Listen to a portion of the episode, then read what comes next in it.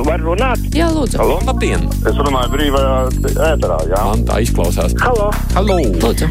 labdien, Aidis. Jā, Vai Vārs kundze? Jā, nē. Varu runāt? jā, lūdzu. Nu, mēģiniet. Varētu izteikties? Jā, Tālruņa numuru mūsu studijā joprojām ir 6722, 888, 672, 559, WhatsApp ziņas var sūtīt pa tālruni 25, 660, 440, un, protams, rakstīt arī ziņu no mūsu mājaslapas ēterā skanošajam raidījumam.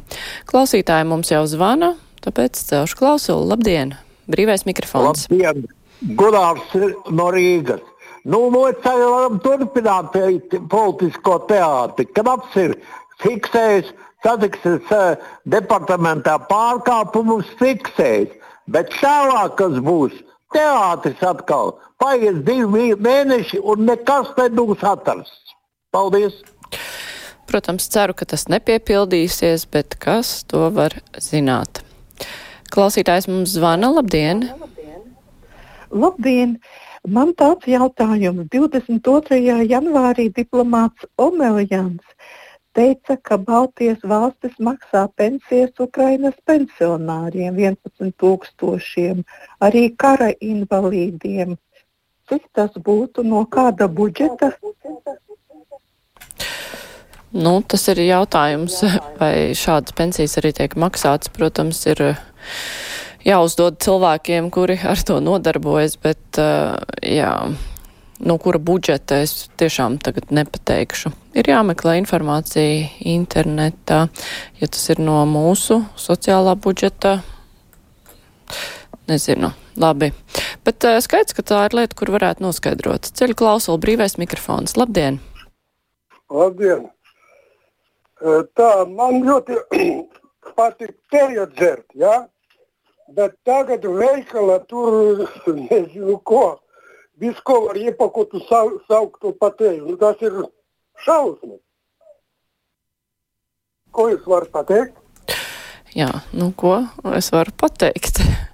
Bet es savukārt tikmēr atradu par pensijām, nu tur gan nav precizēts uh, budžets, bet uh, ar to nodarbojas valsts sociālās apdrošināšanas aģentūra par tām, ko klausītāji iepriekš minēja.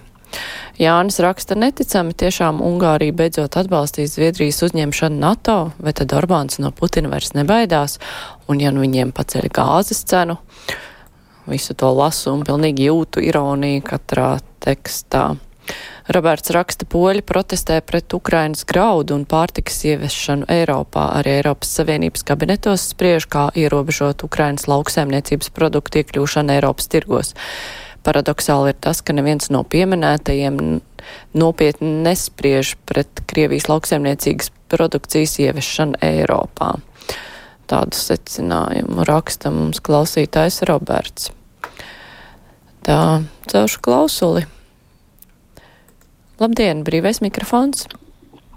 Labdien!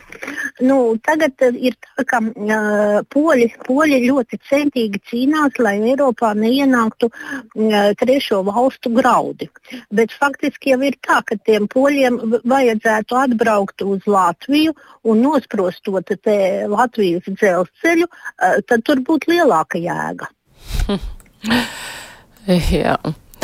Klausītājs Jānis vaicā, kāpēc Rimī kases ir tikai angļu valodā. Interesanti, nu, kurienes Jānim tāda informācija, nu, tās kases, kas ir, pie kurām var strādāt katrs pircējs pats, tās gan nav tikai angļu valodā. Runā latviski ļoti labi. Klausītājs zvana, labdien! Halo! Esat ēterā, bet klusums skan no klausules. Labi, vēl klausītājs zvans. Labdien! Labdien!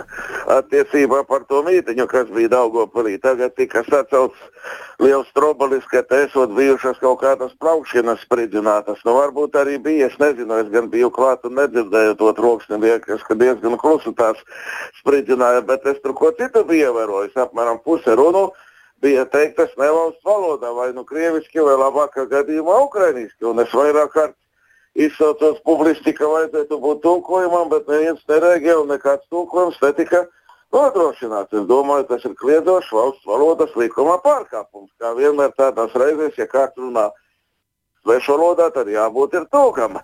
Un interesanti, ka pirms tam uzstājās tāds Elmārs Kļaviņš, kurš mēs būtu arī TV24 bieži redzams. Viņš izteicās, ka lūk, viņš bija restorānā un viņš ļoti bija apvainojies, ka pie viņa sākumā vērsās krieviski un tā tik latviski. Bet, 50% runu izskanēja krieviski, tad par to viņam gan nekādu iebildumu nebija. Viņš uzskatīja, ka tas ir viss normāli, labi un pareizi. Un tad vēl gribu atgādināt, ka savulaik Elks viņam ļoti brauca virsū, ka viņš tam neļāva izstādīt Marka Rotko centrā tos dzimumu locekļus piesist uz krustā. Bet, ja jau mums ir tāda brīvība, ka drīkst jebkuru mākslu reklamēt, tad lūk, tā arī ir tā māksla, kur Ukrāņu karavīri tur attēlot ir kā cūkas. Kāpēc mēs uztraucamies jau brīvība? Tad brīvība jau var, tad visu var darīt. Paldies par uzmanību. Jā, paldies par komentāru. Nu, par to tulkošanu pasākumos taisnība ir tulkojumam būtu jābūt. Klausītājs zvana, labdien! Labdien! Man būtu jautājums tai kundzei par, par kura uztraucās par naudas maksāšanu Ukrainas pensionāriem vai, un invalīdiem. Vai viņai tika samazināta pensija tā, šai sakarā. Viņa saņem mazāk nekā viņa ir nopelnījusi. Tā noteikti nevarētu būt, protams. Nu, jūs jau arī noteikti to zinat. Bet, nu, droši vien, ka viņi uztraucās, ka varbūt kaut kas pietrūks, kādam pietrūks, kādam nevarēs paaugstināt, pamatojoties to. Bet tur jau droši vien, ka tās summas nav tik lielas. Bet uh, jautājums tāpat interesants, jā, protams. Labdien! Brīvais mikrofons. Uh, labdien! Labdien! Es gribētu jau pajautāt uh, vienu jautājumu. Jā, lūdzu. Rēziknas pašvaldība. Ah, jau var runāt, jā? Jā, jūs esat uh, ētrā. Ja es esmu ēterā, jā, tad man tas jautājums ir tāds. Es apskatījos tā, pēc rupjiem aprēķiniem. Sanāk, ka Rēzekne dzīvo ap 40 tūkstoši iedzīvotāji kopā ar novadu. Tad tā ir 50 daļa no Latvijas iedzīvotājiem, un tie 5 miljoni, ko valdība atsakās viņiem aizdot, Eh, sastādīt, nu, ja 50 daļu, ja mēs sareizinām 50, tikai 250 miljoni būtu uz visu Latviju šī summa. Un kāpēc viņiem pieprasa bilanci spējīgu budžetu, ja visai Latvijai pa visiem 33 gadiem vai 32, cik mēs tur. Es, jā, tur atslēdzās, atvainojos. Bet es jautājumu sapratu, kāpēc viņiem pieprasa uh, atskaits. Nu, ziniet, naudu piešķirt, ja nav tāds nopietnas pārskats par budžeta tēriņiem, nu, tas būtu bezatbildīgi. Mēs droši vien, ka neviens negribētu, lai to dara attiecībā uz visiem un visur. Tā kā pareizi vien ir, ka pieprasa. Klausītājs zvana. Labdien! Labdien! Man sirds asiņu skatoties, cik daudz Ukraina aizgājuši bojā gan jaunieši, gan bērni, un es domāju, Tas ir drausmīgi, ka viens vājprātīgais tā ādās un, un visa pasaule skatās un neko nevar izdarīt un sniegt lielāku palīdzību vai apturēt to slepkavību. Nu, tas ir ārprāts un, un arī mums latviešiem jāpadomā, ka tas pats var arī notikt pie mums un tādēļ ir jāpalīdz un arī poļu tautai arī jāpalīdz ir Ukraiņiem, taču ir jāapstādina tas drausmīgais karš un tā cilvēku slepkavība. Paldies! Jā, paldies. Klausītājs vaicā, vai tad Schengen zona vairs nepastāv, ka Polija slēdz robežu ar Lietuvu. Schengen zona pastāv, bet eh, jebkurā gadījumā katrai valstī ir tiesības arī Schengen zonā atsevišķi lemt par eh, robežu slēgšanu, ja tā uzskata par nepieciešamu. Klausītāji vaicā gribētu zināt, cik Rīgas satiksmi iztērē nodokļu maksātāja naudu par elektroniskiem tablo pieturās, kur nedarbojas. Redzu, ka sāk ņemt nost, projekts neizdevās. Kas par to atbildēs?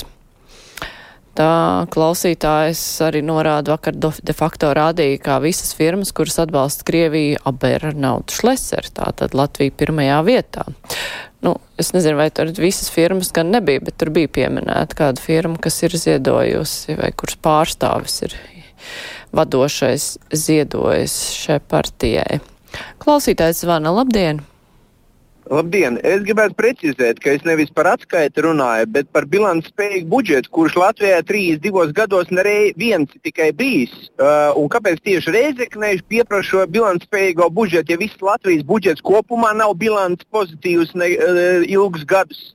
vienu reizi tikai esot bijis pilns. Jā, paldies, paldies par precizējumu. Nu, tāpēc, acīm redzot, tas ir saistīts ar to, ka tur tās problēmas ir ļoti spēcīgi ielaistas un šai pašvaldībai, šī pašvaldība ir dzīvojusi pār līdzekļiem jau pārāk ilgi iepriekš. Klausītājās raksta Baltkrievijas apavi joprojām, arī imantas tirgū.